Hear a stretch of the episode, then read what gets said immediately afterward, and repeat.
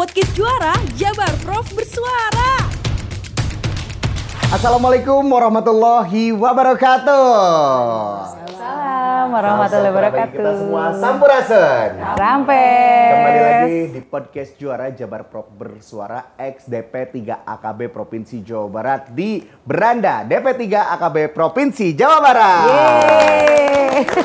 Oke, ini adalah program yang hiatusnya lumayan lama, tapi kita balik lagi sekarang dan ya sekarang kita bakalan kenalan lagi nih. Kira-kira ada formasi terbarukah gitu ya daripada tahun-tahun yang lalu gitu. Kalau tahun lalu masih inget Yudi dulu pakai masker semuanya, nggak kelihatan orang-orangnya seperti apa. Nah sekarang kita akan lihat bersama-sama eh, formasinya dari DP 3 AKB Provinsi Jawa Barat yang langsung saja di-lead oleh Dr. Siska Gervianti. Apa kabar dok? Alhamdulillah sehat. Luar biasa, selalu ya pink meriah, Pink ya. meriah. amazing, festive banget. Oke, dok sis, ini eh, luar biasa banget.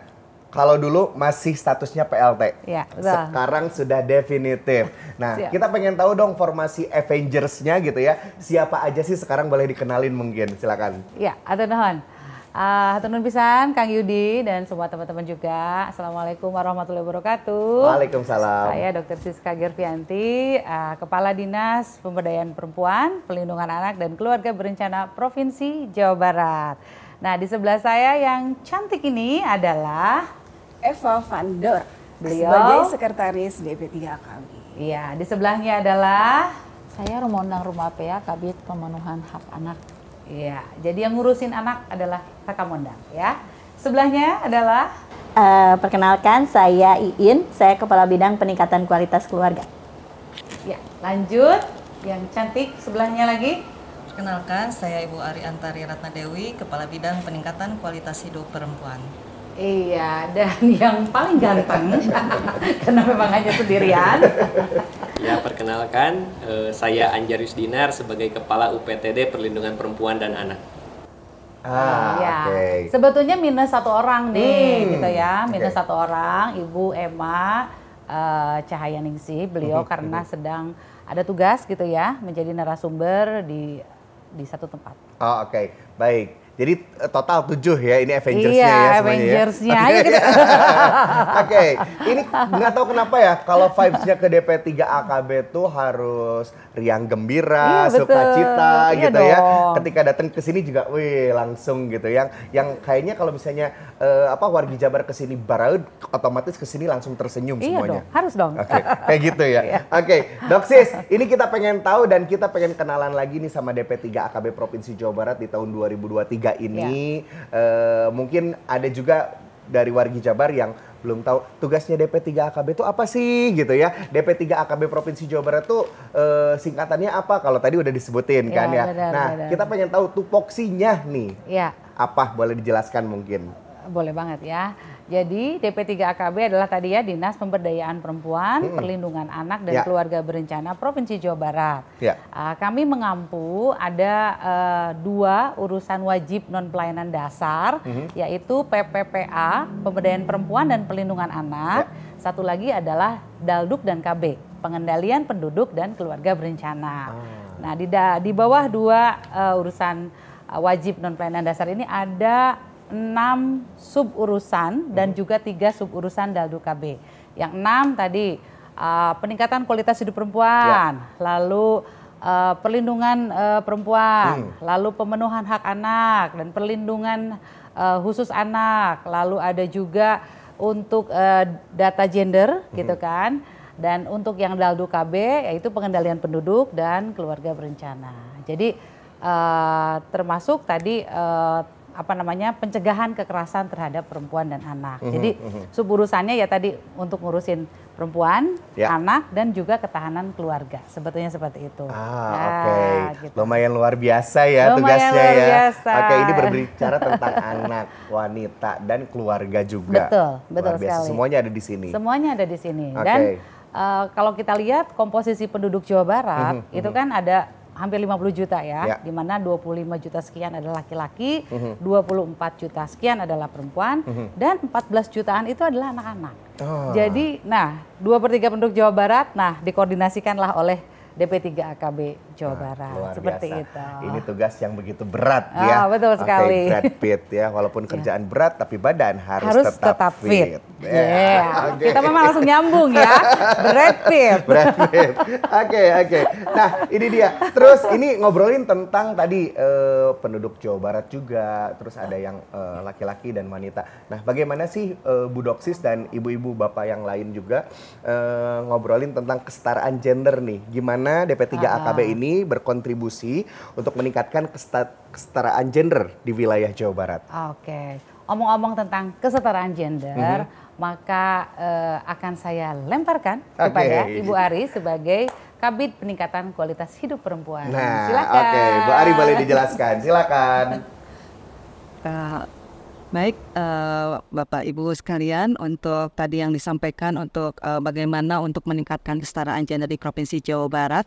Uh, salah satunya kita sudah uh, upaya-upaya yang telah dilakukan untuk meningkatkan kesetaraan gender. Yang pertama melalui pembelajaran sekolah perempuan capai impian dan cita-cita, di mana salah satu materinya di- eh, disampaikan ada materi kesetaraan gender, dan juga yang kedua kita melakukan kegiatan sosialisasi peningkatan partisipasi perempuan di lembaga legislatif yang berkolaborasi dengan KPP Provinsi Jawa Barat dan juga yang salah satunya kita ada lagi eh, kegiatan yaitu eh, bekerja sama dengan KPPI yaitu eh, peningkatan kapasitas perempuan. Kenapa ini penting? Karena target di target untuk apa partisipasi perempuan di lembaga legislatif itu harus mencapai kuota 30% sehingga upaya-upaya yang dilakukan kita eh, udah lakukan dan eh, untuk tahun ini eh, kita akan melakukan eh, sekolah politik perempuan.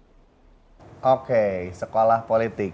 Selain Yeay. ada selain ada sekoci tadi sekolah Sekolah perempuan, capai impian dan cita-cita. Ada juga sekolah politik, politik. perempuan. Oh, wow, Dan luar biasa. tahun ini eh, sampai dengan tahun lalu itu kan ada sekitar 70 eh, dua ribuan ya alumni dari sekolah perempuan capai impian dan cita-cita. Ya. Nah di tahun ini saja nanti di bulan Desember kita akan mewisuda sebanyak mungkin 53 ribuan lah ya. 53 ribu. Wow. Jadi nanti total mungkin ada sekitar Ini kira-kira venue-nya di mana ya 53 ribu Ah, ya?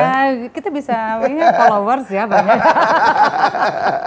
Ah, jadi eh, Oke, sampai oke. tahun ini nanti mungkin ada sekitar 140 ribuan Ya, ya. dan ditambah nanti kita akan ada sekolah politik perempuan. jadi untuk para perempuan hebat di Jawa Barat yang memang berminat Ya. untuk masuk ke dalam dunia politik, hayu bergabung di sekolah politik perempuan.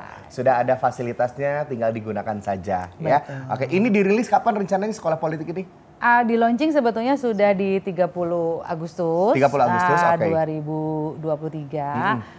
Namun kita akan memulai pembelajarannya nanti mungkin eh, minggu ketiga November gitu Minggu ya. November, Karena kita menunggu DCT atau daftar calon tetap Oh, dari partai-partai yang mengusung perempuan se-Jawa Barat. Oke, gitu. jadi nanti yang eh, dari eh, yang daftar itu dikumpulkan lalu ada eh, apa diberikan eh, insight tentunya di sekolah politik ini seperti Iya, itu. Iya, betul. Bu Ari, tambahan mungkin untuk sekolah politik? Ya, eh, untuk pesertanya mungkin nanti eh, untuk eh, apa 18 eh, 18 eh, partai ya. S- jadi pesertanya 180 rencana akan eh, apa hybrid untuk eh, sekolah apa politik perempuan di Jawa Barat yang tadi disampaikan rencananya mungkin insya Allah di eh, minggu ketiga bulan November. Ah, Oke, kita nggak sabar untuk lihat itu nanti seperti apa sekolah politik ini ya. Oke, next mungkin yang kita pengen tahu ini apa saja sih program-program atau inisiatif yang eh, apa ya dikerjakan atau yang sedang dikerjakan oleh eh, DP3 AKB Provinsi Jawa Barat mungkin. Ya, jadi memang ada beberapa hal ya Mhm. yang inisiatif-inisiatif yang baru gitu Ya. ya dan juga repackaging dari yang lama. Hmm. Yang pertama adalah Branda nih yang sekarang kita lagi acara hari ini adalah ngobrol bersama perempuan dan anak Jabar Juara nanti dijelaskan oleh Bu Sekdis. Ya. Lalu tadi ada eh, Kabupaten Kota Layak Anak, lalu ada Jabar Cekas, ada Stopan Jabar, ada Sekolah Perempuan Capai Impian dan Cita-Cita dan juga Sekolah Politik dan Ya. juga ada UPTD PPA Jawa Barat dan Hotline Sapa 129. Silakan Bu Sekdis. Ya, eh, Kang Yudi tadi beranda ya. Ya. Beranda itu adalah ngobrol bareng perempuan dan anak. Nah ini memang salah satu upaya kita bagaimana mensosialisasikan beberapa program, kebijakan gitu ya tentang perempuan dan anak. Kita tahu tadi Bu Kadi sudah menyampaikan bahwa perempuan jumlah perempuan Jawa Barat itu sudah sam- hampir sama dengan jumlah eh, laki-laki gitu ya. Tapi dari eh, beberapa parameter indika- indikator untuk pembangunan perempuan itu masih jauh tertinggal. Sehingga beranda ini menjadi salah satu upaya kita untuk meningkatkan pengetahuan lah untuk anak-anak, untuk Ya. perempuan kita. Yeay, berarti nanti sifatnya beranda ini akan mengundang perempuan-perempuan atau anak-anak yang Ya, inspiratif betul, gitu ya, betul yang sekali salah satunya, gitu ya, ya. untuk bagi Jabar untuk bisa diambil inspirasinya Ya, gitu ya. betul sekali. Oh, luar biasa. Tapi nih. nanti dari kaum laki-laki juga, terutama juga yang ya? mendukung ya, mendukung kita Oke. itu akan kita juga undang. Oke, luar biasa. Itu beranda ya. Terus Ya. apalagi ada apalagi nih program-programnya? Oke, Kang Yudi. Siap. Bu Mondang. Nah, Oke. mungkin kalau kita bicara KLA ya Bu Kadis dan Bapak Ibu semua, ini apa ya KLA gitu ya? KLA, iya, apa sih KLA? Apa KLA, apa profila gitu ya? Eh, karena memang banyak singkatan di sini. Oke, Di KLA KLA. kereta lanjutan asik Ah. gitu ya, gitu. kan lagi bus teh gini kan ya. Oke. Padahal KLA itu adalah Kabupaten Kota Layak Anak. Oh, Nah, oke. yang kalau ke profilannya jadi Provinsi Layak Anak. Mm-mm. Sebenarnya bahasa sederhananya untuk kita mudah memahami ini adalah rapot dari seluruh stakeholder, bukan Oh. hanya pemerintah saja. Hmm, Jadi semua stakeholder pentahelix Ya. Eh, bagaimana untuk memenuhi hak anak. Ada 31 hak anak, Oh, banyak oke. sekali. Hmm. Tapi kalau hak yang besar pendidikan, kesehatan, bermain, identitas gitu ya, eh, kesempatan untuk beribadah eh, itu dan juga tidak boleh ada kekerasan gitu. Ah. Jadi anak harus dilindungi. Ya. Jadi kalau pakar-pakar anak itu mengatakan bahwa anak itu tidak pernah salah. Hmm.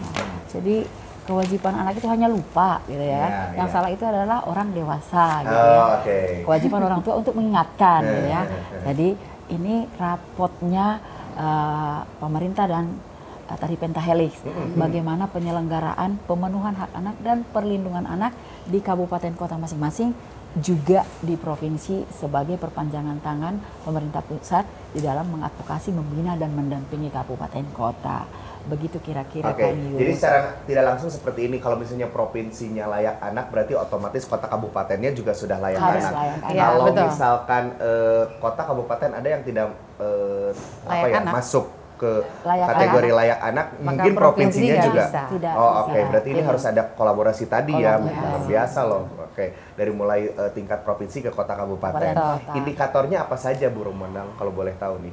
Eh, Kabupaten Kota Layak ini dibagi lima klaster Ya. dan indikatornya ada 24 klaster. Jadi memang kalau dikatakan sangat rumit, ya. Tapi Ya. dengan kolaborasi tadi, Ya. dengan eh, sinergitas, program kegiatan seluruh eh, perangkat daerah, Ya. juga tadi akademisi, ada LM, ada media-media juga, media ramah anak nih teman-teman media, media ramah anak juga.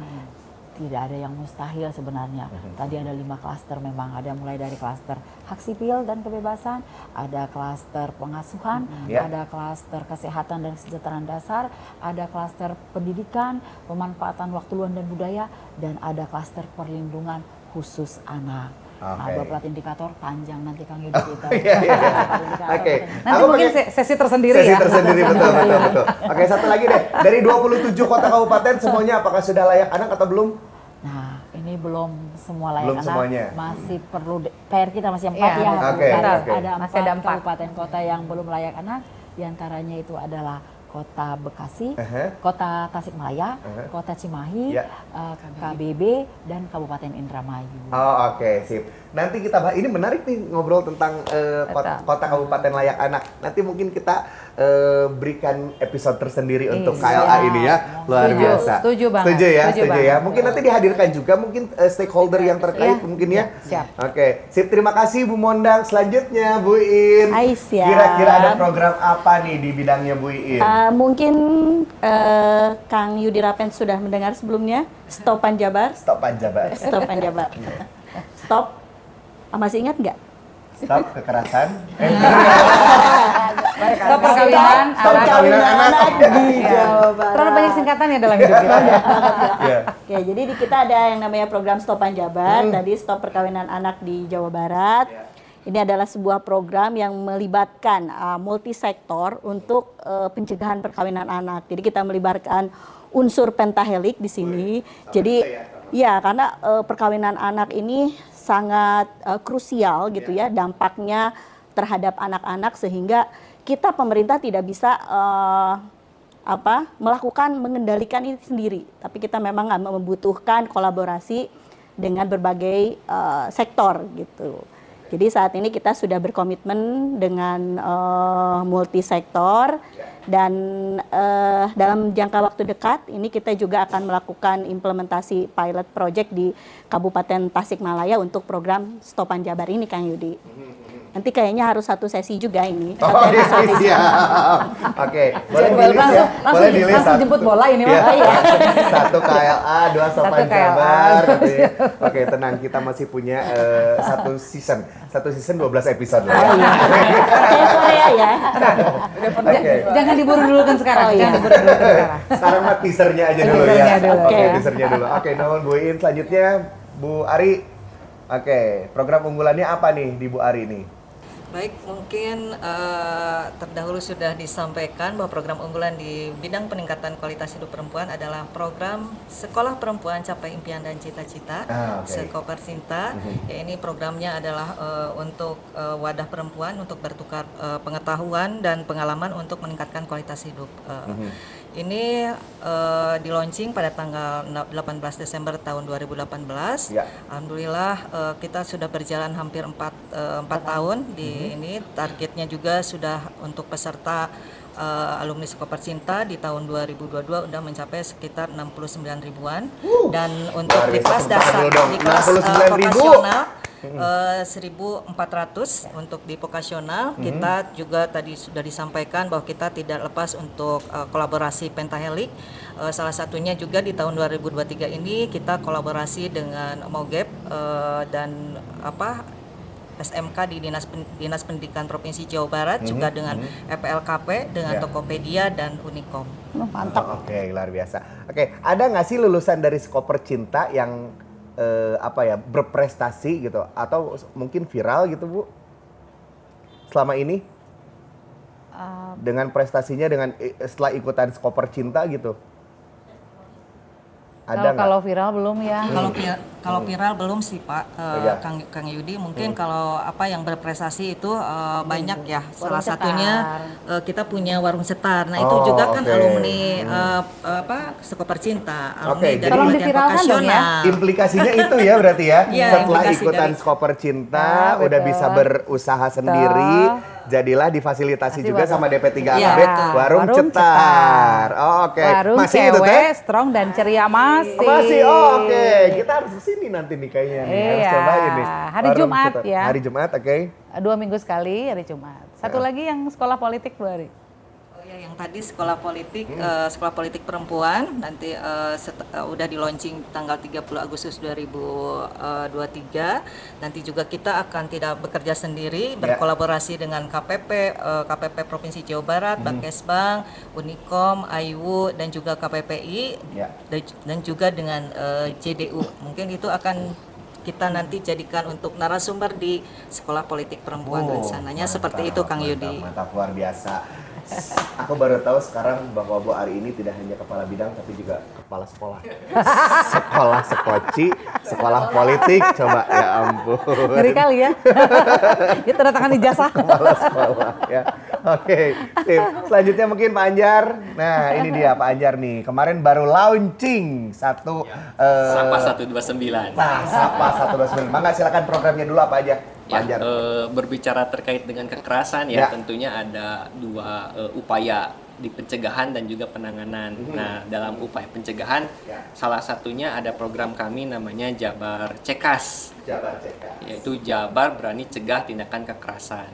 Ini bro, untuk mengikat atau menguatkan komitmen Ya. eh, semua kepala daerah di kabupaten kota eh, agar memprioritaskan upaya-upaya pencegahan kekerasan. Selain itu juga eh, sebuah apa untuk kita melibatkan masyarakat eh, sebuah gerakan kampanye bagaimana ketika eh, masyarakat itu menjadi korban atau mungkin eh, mengetahui terjadinya kekerasan itu harus seperti apa. Nah, dibentuklah satgas-satgas Paredi Cekas di, di sampai ke tingkat desa kelurahan. Nah, jadi selain eh, satgasnya ada, masyarakat pun bisa mengetahui eh, harus seperti apa. Nah, itu eh, program Jabar Cekas. Nah, untuk penanganannya eh, DP3 AKB Provinsi Jawa Barat itu mempunyai unit layanan ya UPTD Perlindungan Perempuan eh, dan Anak. Jadi UPTD PPA ini mungkin salah satunya tadi ya di- disinggung mengenai SAPA 129. SAPA itu sahabat perempuan dan anak. 129 itu nomor teleponnya. Jadi dari HP atau nomor telepon di kantor, eh, di rumah 129 itu langsung terhubung ke operator yang akan menjawab, merespon pengaduan kekerasan satu kali 24 jam. Itu. Jadi kita sudah mempunyai eh, operatornya untuk merespon dan nanti akan direspon sesuai dengan kewenangannya. Apakah itu di eh, rujukan akhir di kementerian, rujukan lanjutan di provinsi ataupun di kabupaten kota yang sudah membentuk UPTD PPA. Seperti itu. Oke, Pajar kantornya nggak di sini berarti ya? Iya, Ah. ada kantornya khusus untuk Oke. eh, misalnya melakukan pengaduan secara langsung kan Ya. Hmm. kalau tadi itu tidak langsung ya, lewat telepon. Tapi kalau misalnya mau datang langsung itu bisa masih di Kota Bandung di Oke. Jalan LRM Marta Dinata nomor 2 Kota Bandung atau Jalan Riau ya. Dan Riau, oke. Paling ujung ya. Oke, itu dia. Sip. Ini Sapa 29 ini program-programnya luar biasa. 129. Sapa 129 seperti Jadi itu kalau ya. la, la dari handphone Hmm, hmm. itu pencet 129 itu langsung ngelink. Itu langsung Betul, terkoneksi ya. terkoneksi. Oke, luar biasa. Itu ada operatornya juga. Ya. Jadi mangga silakan untuk wargi Jabar ya, tidak hanya sebagai korban atau victim tapi juga yang mengetahui mungkin ya, gitu ya. Mengetahui ini oke ini ada indikasi kekerasan ya, langsung telepon 129. Wah, Iya, baru saja di launching kemarin. Betul. Atau bisa langsung ke UPTD PPA-nya, Hmm. Ya. hotline-nya 085 duanya 4 kali 06777. Come to mama and come to Oke. papa. Jadi pokoknya kami menerima segala curhatan ya. Oke, oke, oke. Dan katanya juga di sana juga ada eh, psikolognya kalau butuh bantuan psikolog ya. Iya betul. Jadi kami di UPTD PPA ini Ya. tentu saja ada konselor Hmm. untuk pendamping korban. Untuk dia jadi satu korban itu satu konselor Oh, untuk mantap. bisa Hmm. nanti berkonsultasi, memantau juga mendampingi korban. Nah, Oke. untuk kebutuhan pemulihan psikologis Ya. itu kami juga ada layanan pemulihan psikologis oleh eh, psikolog klinis yang Hmm. tersedia tenaganya di kami. Oke. Nah, apakah ini berbayar, Pak Ajar? Oh, gratis. Jadi semua Gratis? layanan kami itu gratis. Iya. Ah. Mungkin Iya, juga gratis, menginformasikan kami itu punya layanan eh, penampungan sementara atau rumah aman. Hmm. Ketika korban itu dalam kondisi terancam Ya. atau mendapatkan intimidasi misalnya dari terduga pelaku, itu bisa eh, mendapatkan layanan rumah aman di kami. Itu pun gratis. Hmm. Misalnya dia kadang-kadang pergi itu kan tidak membawa baju Betul, eh, tas betul, gitu ya, baju ganti itu. Kami bisa penuhi kebutuhan eh, Oh, ada ya. pakaiannya, makanannya itu semua gratis kita Iya. sediakan dari pemerintah tentunya. Ya, ya, ya. Mungkin ada yang nggak prepare gitu untuk pergi dari rumah gitu bisa langsung Iya. gitu ke rumah Ya, aman bisa. itu. Betul. Oke, ini gratis semuanya tis tis tis, tis. Gratis, iya, Mantap, tanpa biaya. Mantap, mantap, mantap.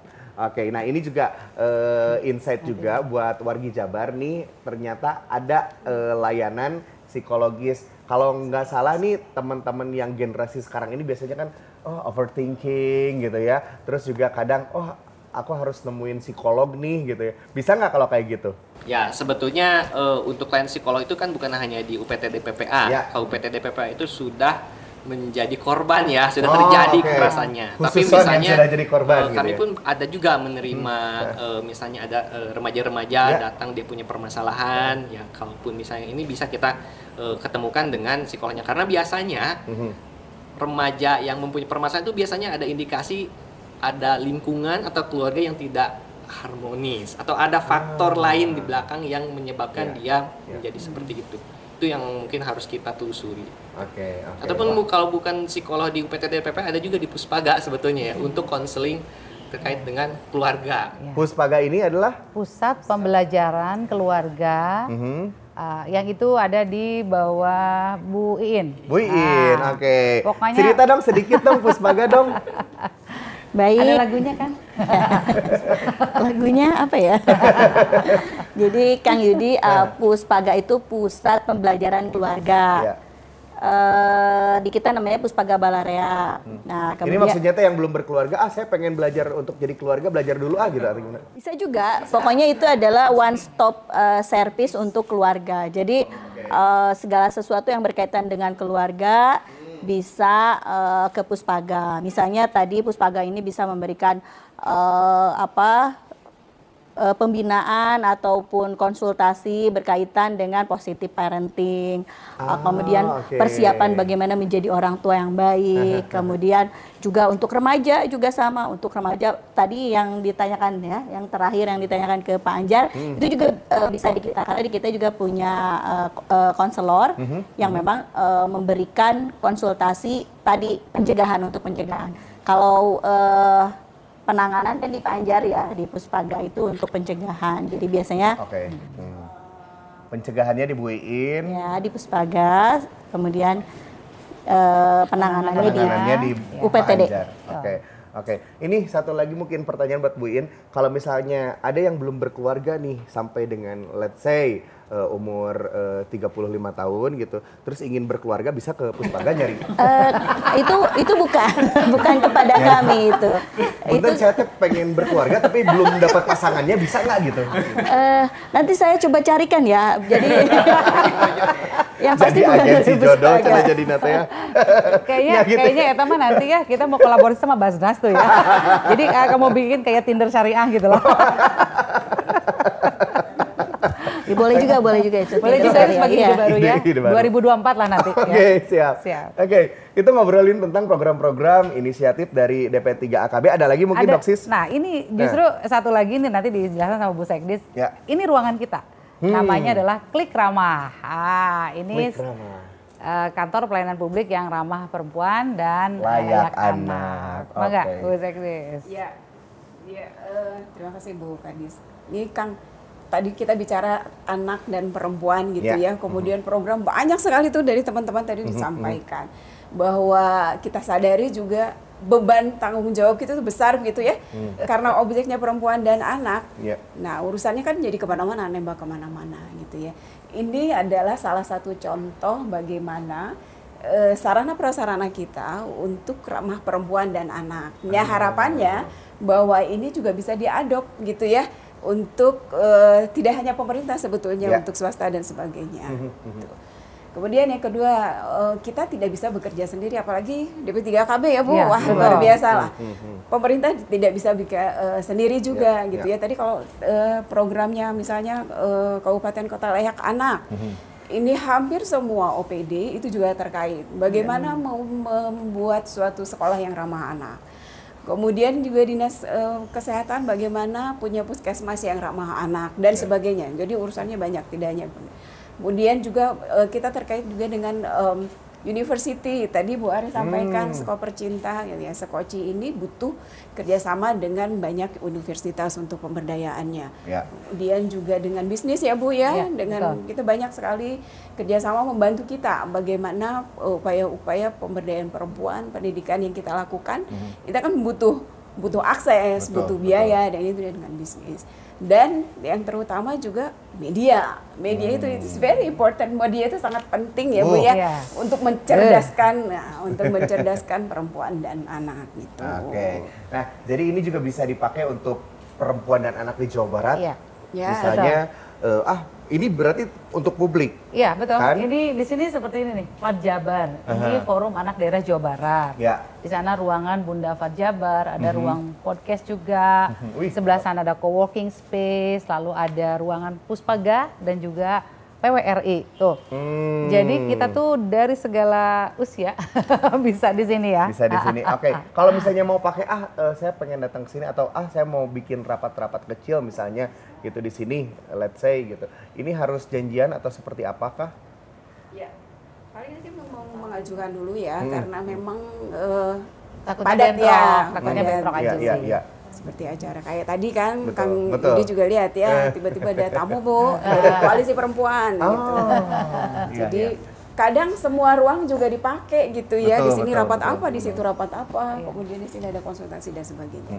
Dan Kita ini juga menjadi ya. percontohan mungkin ya untuk Ya, swasta ya, itu, lain ya. gitu ya. Betul. Itu yang utama ya Bu ya. Ya betul. Harapannya. Karena waktu itu kan ini juga sudah ditengok ya oleh Bu Menteri, Bu Bintang Bu Puspa Bintang, Yoga ya. dan uh, ini juga merupakan uh, apa namanya uh, showcase gitu ya, bagaimana kantor pelayanan uh, yang ramah terhadap perempuan dan anak.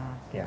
Oke, tadi kan sempat eh, disinggung tentang kolaborasi Pentahelik, ABCGM, akademisi, Ya. bisnis, C community, eh, G eh, government of course, eh, dan tentunya juga media. Nah, Ya. seperti apa sih sosialis, eh, seperti apa sih kerjasama atau kolaborasi yang eh, selama ini ter eh, apa ya terjalin nih antara DP3 AKB dengan para eh, kolaborator ini? Iya, jadi eh, tadi sudah disinggung ya sama Bu Sekdis.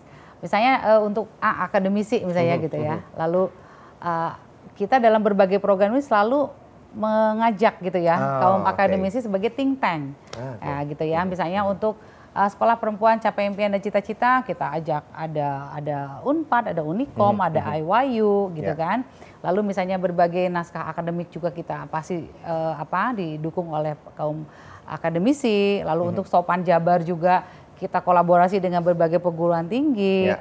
Untuk eh, sekolah, sekolah percinta yang apa namanya yang vokasional juga kita kerjasama dengan SMK dan lain sebagainya. Jadi eh, akademisi ini sangat kita libatkan untuk berbagai kegiatan. Bisnis Oke. juga sama. Nah ini ruang klik ramah juga ini didukung oleh teman-teman dari eh, bisnis dan kita punya namanya APSAI, Asosiasi Pengusaha Sahabat Anak Indonesia. Oh, Nah, oke. Jadi kita kita himpunkan dan ini dalam naungannya Bu Mondang. Jadi eh, para pengusaha ini memang harus jadi sahabat dari anak-anak di Jawa Barat. Untuk komunitas tentu banyak sekali komunitas yang ada di sini gitu ya. Termasuk tadi ada Puspa Gabalarea, ada Motekar, ada Teladan KB. Ya. eh, dengan PKK, dengan DWP, dengan BKOW, pokoknya segala macam organisasi perempuan dan anak come to mama gitu. ya. Oke. gitu. Government, nah ini kita ini kan baru sekarang sedang muriling gitu ya, silaturahmi gitu ya. Ya betul. Saya lihat Dengan- itu di Instagram ya eh, tiap organisasi daerah didatengin gitu ya. Ini kayaknya seru banget. Ini kayaknya Iya dong. misalkan eh, kayaknya satu OPD satu program gitu atau gimana? Ah, Enggak, jadi gini, ah, misalnya kita ke Diskominfo gitu Iya, ya. iya. Karena karena prinsip kami gini, kami ini dinas eh, apa namanya yang tadi tugasnya banyak, Mhm. tetapi secara SDM mungkin sedikit gitu Mhm, ya. Jadi kami pasti perlu dukungan dari eh, apa namanya eh, OPD lain Iya, gitu ya. iya. Misalnya kayak Beranda ini juga kita disupport oleh jabarpro.go.id Iya. yang disko, disko, Diskominfo, misalnya. Mhm. Lalu misalnya pas launching kemarin disupport juga oleh Diskominfo. Ah, misalnya eh, dengan Bapeda, oh tentu saja gitu ya. Mhm, Ada APE Anugerah Parahita Eka Praya, lalu Mhm. misalnya Stopan Jabar mah udah ngajakin semua aja deh gitu ya. ada Disdik, ada Dinsos, ada Iya, iya. Dinkes, Iya. ada Biro Kesra gitu Mhm, kan, mhm. ada Biro Pemotda, ada DPM Desa Iya, iya. dan eh, apa namanya dan lain lain sebagainya lah gitu Oke. ya. Jadi sekarang kita lagi nguriling karena Iya. tadi tidak tidak one one OPD one program enggak. Hmm. Justru biasanya misalnya kayak Indag nih, nanti Iya. kita minggu depan akan ke Indag misalnya. Beliau support eh, apa? Warung Cetar, Ah, Oke. eh, oke. Koper Cinta dan lain sebagainya. Lalu- Berapa OPD lagi yang belum didatengin? Oh, kelihatannya kita mah satpol pp aja bakal didatengin. Karena eh, mengamankan untuk perempuan dan seru anak seru ya, ngelihat ya. nge- ngelihat eh, Instagramnya seru ini semuanya kompak pada dateng Iya gitu ya betul gitu betul. ya. Dan kita juga seneng ya karena ternyata tanggapan dari OPD-OPD yang kita Ya, datangi ya. gitu ya semuanya positif ya. Dan mungkin ini hal yang baik yang Hmm, perlu kita lakukan bersama. Oke. Karena kadang-kadang kita ini suka lupa untuk minta tolong. Ah. Lupa untuk minta tolong kepada eh, kakak-kakak seperguruan lainnya gitu ya. Dunia persilatan. Kalau oh kita nggak punya ini, oh kita ngetek siapa nih misalnya gitu. Kita nggak punya ini, kita ke siapa nih. Nah, dengan kita berkolaborasi ternyata eh, banyak keuntungan yang kita dapatkan. Se- tadi kan yang baik paling banyak rezekinya biasanya yang paling sering silaturahmi gitu kan. Hmm, iya, iya, iya, Nah, iya. jadi kita sedang berkeliling sekarang ke berbagai OPD untuk tadi beberapa hal terkait program Ya, juga ya, terkait eh, apa namanya kerjasama. Eh, Kadang-kadang mungkin programnya juga bisa baru muncul ya pada saat kita ngobrol, eh kita buat ini yuk, gitu, misalnya dan lain sebagainya. Oke, Itulah Seperti the power itu. of silaturahmi Nah, ya. the power of Gitu silaturahmi. ya. Oke, berbicara tentang DP 3 AKB, Dinas Pemberdayaan Perempuan. Ini Dinas Pemberdayaan Perempuan yang disebut pertama kali. Iya. Nah, yang ditekankan dari DP 3 AKB Provinsi Jawa Barat untuk pemberdayaan perempuan itu seperti apa sih? Boleh dijelaskan mungkin? Iya. Maka Bu Bu Sekris? Ya, eh, mungkin intinya untuk pemberdayaan perempuan itu kan eh, gini ya, perempuan itu sering kali di dalam tanda petik gitu ya menjadi kelas 2 gitu ya. Kelompok Kemudian kelompok kelas 2. kelompok rentan. Dan perempuan itu sering kali dia berpikir sendiri bahwa dia itu tidak punya kekuatan. Hmm, Nah, powerless pemberdayaan, gitu ya. ya powerless. Pemberdayaan perempuan itu adalah utamanya membuat dia itu eh, kuat gitu ya. Ya, ya. Ketika dia memutuskan sesuatu, keputusannya itu adalah keputusan yang sangat berpengaruh terhadap dirinya, Mhm. juga terhadap lingkungan. Yang terkecil adalah keluarga lah begitu ya. Ya. Nah, yang paling besar itu adalah eh, nanti akhirnya negara. Karena perempuan itu kan ada empat sifat perempuan ya Bu ya, yang tidak ada di laki-laki loh ya. Hmm. Oh, di Kang Yudi tuh nggak bisa. Eh, Apa aja coba? Mhm. Menstruasi, em, eh, hamil gitu ya, melahirkan, menyusui. Itu adalah empat yang tidak bisa dilakukan oleh laki-laki gitu ya. Nah, keputusan ini adalah keputusan penting eh, ke depannya bagaimana suatu negara itu eh, berkesinambungan gitu, sustain. Ya. Bayangkan kalau perempuan kemudian tidak Berdaya. memutuskan tidak punya anak gitu ya. Mhm. Kemudian dia punya anak tapi dia tidak punya pengetahuan untuk mendidik anaknya yang baik. Nggak ada parenting Ya. skill Nah, kalau tidak ada parenting tadi ya. skill. Jadi yang paling utama itu adalah dia bisa mem- mem- apa ya berkuasa untuk dirinya gitu, memutuskan yang baik untuk dirinya. Oh, gitu. oke, Itu oke. yang Wow. mendasarnya. Ya, selain itu memang pemberdayaan perempuan ini lebih ke bagaimana upaya kita untuk meningkatkan atau uh, membuat awareness tentang kesetaraan dan keadilan gender. Mhm, mhm. Ya, mungkin Bu Ari bisa diteruskan urusan eh, PKHP, Hmm. PUG, pokoknya banyak bisa lah singkatan natanya ARG, PUG, PPRG, GAP, Waduh. GBS. Eh, yang tentunya banyak sekali eh, Kang Yudi di urusan peningkatan kualitas hidup perempuan itu yang Ya. salah satunya tadi juga ke apa pemberdayaan eh, perempuan yaitu eh, mungkin ditekankan bahwa eh, di kami di pemberdayaan perempuan itu eh, kami terus berupaya eh, untuk membuat para perempuan di Jawa Barat itu eh, lebih eh, apa dapat berdaya dan eh, mandiri secara ekonomi. Misalkan contohnya eh, ibu-ibu rumah tangga yang seperti itu warung setar juga Kang Yudi itu Ya. kan eh, warung setar itu eh, anggotanya itu eh, perempuan kepala keluarga gitu ya bukan itu teh eh, perempuan kepala keluarga itu eh, apa eh, perempuan yang ditinggal eh, mati oleh suaminya Hmm. yang bercerai Ya, atau ya. eh, eh, suaminya masih ada tapi tidak eh, apa memberi apa men- memberikan penghasilan kepada eh, keluarga gitu. Jadi eh, kita punya wadahnya itu tadi eh, yang disampaikan oleh Ibu Kadis warung setar yaitu eh, salah satunya untuk eh, apa pemberdayaan eko- ekonomi perempuan di apa di eh, provinsi Jawa Barat dan juga kita juga telah mempunyai eh, regulasi terkait eh, Perda ya Bu Kadis eh, Perda pemberdayaan eh, apa eh, pemberdayaan dan pelindungan eh, perempuan itu Perda nomor 2 tahun eh, 2023. Mungkin itu. Oke, itu dia yang ditekankan tentang pemberdayaan perempuan, di Perempuan, DP 3 AKB betul. Provinsi Jawa Barat. Oke, mungkin eh, pertanyaan masih banyak, ada sekitaran 150. Em, Saya lihat juga begitu. masing-masing- Mungkin kita sampai 2 hari 2 malam. Tapi apa daya yang durasi yang harus memisahkan kita. Nanti kita akan bahas satu-satu mungkin ya dengan Iya. episode-episode yang akan datang. Tentunya beranda episode 2 tentang Iya. eh, apa KLA mungkin gitu ya. Iya. Nah kita juga pengen tahu sebetulnya sedikit mungkin eh, tentang stunting di Jawa Barat seperti apa sih? Ya, jadi eh, stunting saat ini di Jawa Barat angka prevalensinya sudah di 20,2 gitu ya. Turun terus alhamdulillah Eh, dari mulai 2018 itu kita di 32,5 Ya. dan target kita di 2024 itu eh, 14 persen. Ya, 14%. 14 persen ya. Oke. Tapi Jawa Barat kemarin eh, kita memutuskan di angka 16 ya Bu Mondang ya. Target bersamanya ya. Tapi Hmm. mudah-mudahan sih bisa 14 persen ya. Bisa. Dengan kolaborasi dan eh, tentu saja inovasi dari TPPS bersama. Mhm. Tim percepatan penurunan stunting. Stunting, Nah, TPPS. kami Hmm. kami ikut di dalamnya. Ya.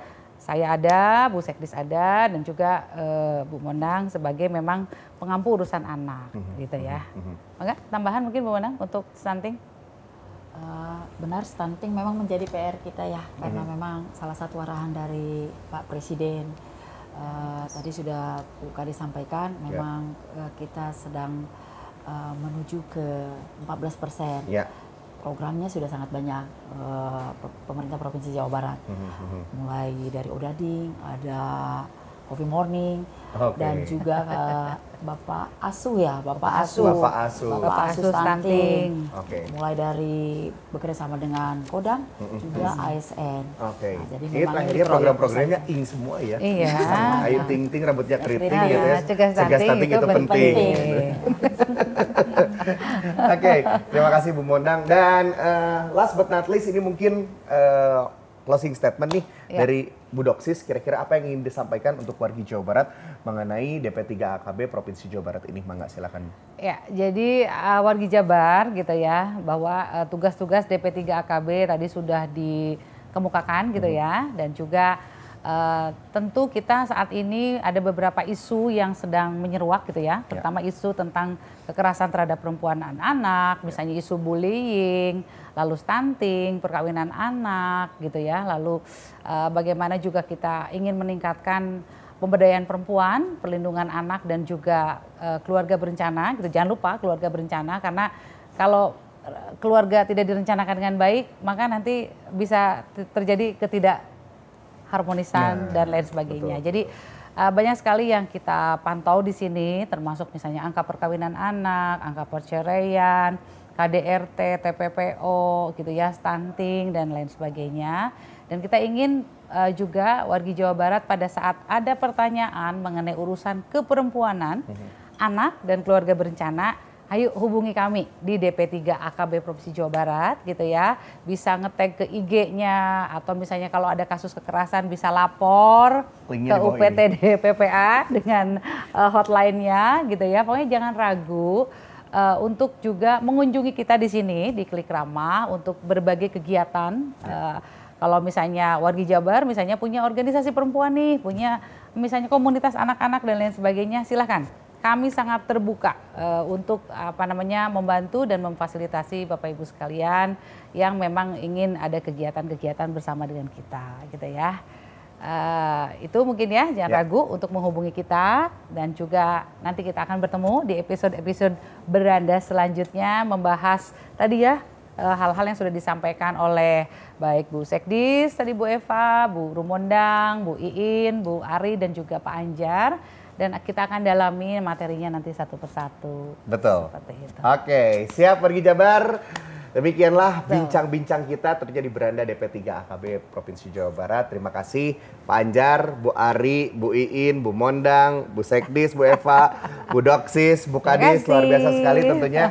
Ini menjadi satu jembatan untuk program-program lain di DP3 AKB untuk lebih mengenal program-program cetar membahana di DP3 AKB. Karena ada pepatah mengatakan tak kenal maka tak sayang. Betul. Yuk kita sayangi DP3 AKP dengan mengenal program-program unggulannya. Kalau gitu saya Yudi Reven dan tentunya juga dari DP3 AKB Provinsi Jawa Barat pamit. Wabillahi taufiq wal hidayah. Wassalamualaikum warahmatullahi wabarakatuh. Cagranpes. Perempuan berdaya, anak terlindungi, Indonesia maju. Yeay.